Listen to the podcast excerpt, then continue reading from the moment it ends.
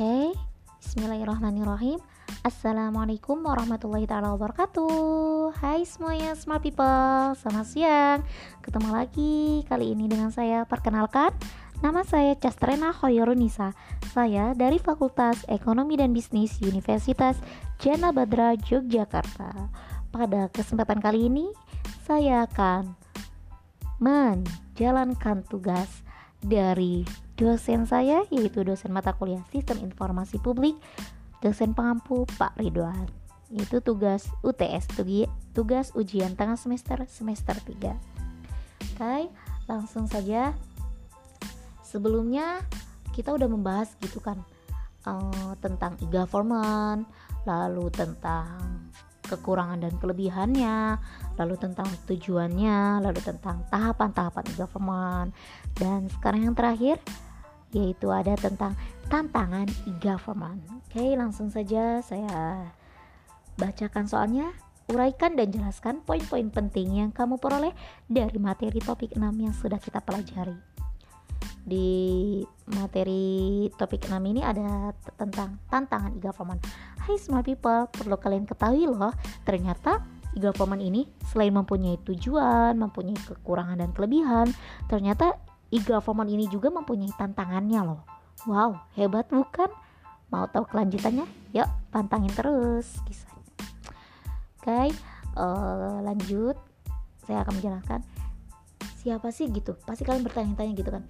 Siapa sih yang membayar untuk e-government itu? Oke, okay. yang pertama ada pemerintah. Yang kedua ada kerjasama dengan swasta.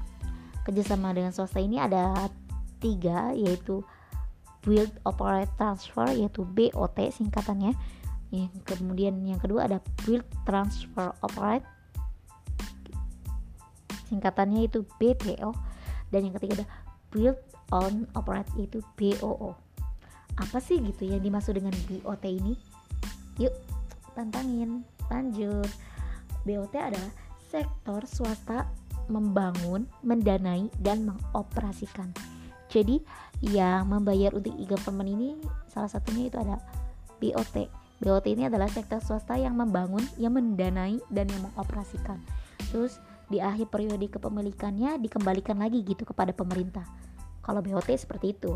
Di akhir periode kepemilikan dikembalikan kepada pemerintah. Selanjutnya ada BTO. Apa sih BTO itu? Itu kan BTO itu yaitu hak milik dialihkan kepada pemerintah saat konstruksi selesai. Kalau yang BOT itu di akhir periode kepemilikan dikembalikan kepada pemerintah. Kalau yang BTO ini hak milik dialihkan kepada pemerintah saat konstruksi selesai gitu. Yang keempat itu ada BOO. BOO ini apa sih gitu kan? BOO yaitu sektor swasta mempertahankan kepemilikan permanen dan mengoperasikan fasilitas berdasarkan kontrak. Jadi kayak kontrak kerja kayak gitu.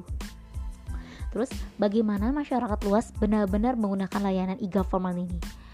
Jadi e, masyarakat luas itu benar-benar bisa menggunakan layanan e-government ini itu dengan karena ada kurangnya pengetahuan tentang teknologi informasi komunikasi, terus ada kurangnya akses internet, lalu ada tidak ada pelatihan khusus untuk masyarakat, terus adanya kekhawatiran tentang privasi dan keamanan informasi. Mengapa sih keamanan dan perlindungan privasi itu penting? Mau tahu? Ya nih, yang kita tunggu-tunggu gitu kan pertanyaan yang kita tunggu-tunggu. Mengapa gitu keamanan dan perlindungan privasi itu penting? Jawabannya itu melindungi privasi warga negara dan memastikan mereka bahwa informasi pribadi mereka itu tidak akan diretas gitu maksudnya tidak akan direbut itu sangat penting gitu dalam e-government karena ini adalah um, kunci kepercayaan pengguna gitu tanpa jaminan ini tidak ada yang akan diminta untuk menggunakan layanan e-government tersebut gitu.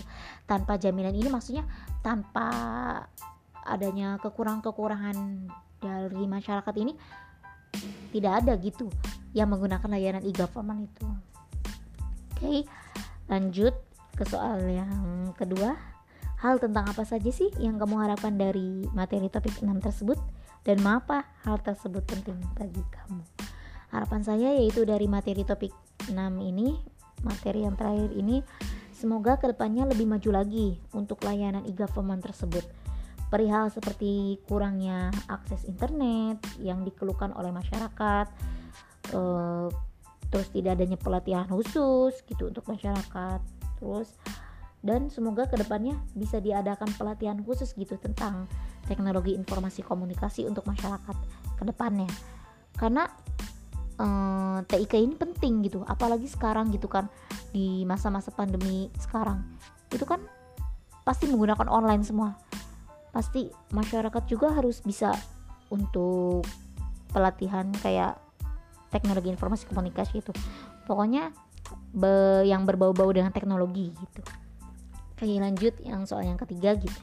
Um, buatlah tiga pertanyaan kritis yang meresahkan bagi kamu terkait dengan materi topik 6 tersebut dan jelaskan alasan kamu mengajukan pertanyaan tersebut um, yang pertama itu ada pertanyaan yang mengapa keamanan dan privasi itu penting terus pertanyaan yang kedua apa sih yang dimaksud dengan BOT jelaskan lebih rinci lagi dan yang ketiga, jika pelatihan khusus untuk masyarakat sudah terwujudkan, bagaimana kondisi masyarakat menurut Anda?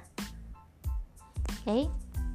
Mungkin cukup sekian dari saya. Kurang lebihnya mohon maaf karena kesempurnaan hanyalah milik Allah semata. Wabillahi taufiq walhidayah wastafikum. Wassalamualaikum warahmatullahi taala wabarakatuh. Terima kasih semuanya. Terima kasih smart people. Selamat siang, salam sejahtera. Ketemu lagi di episode berikutnya. Terima kasih.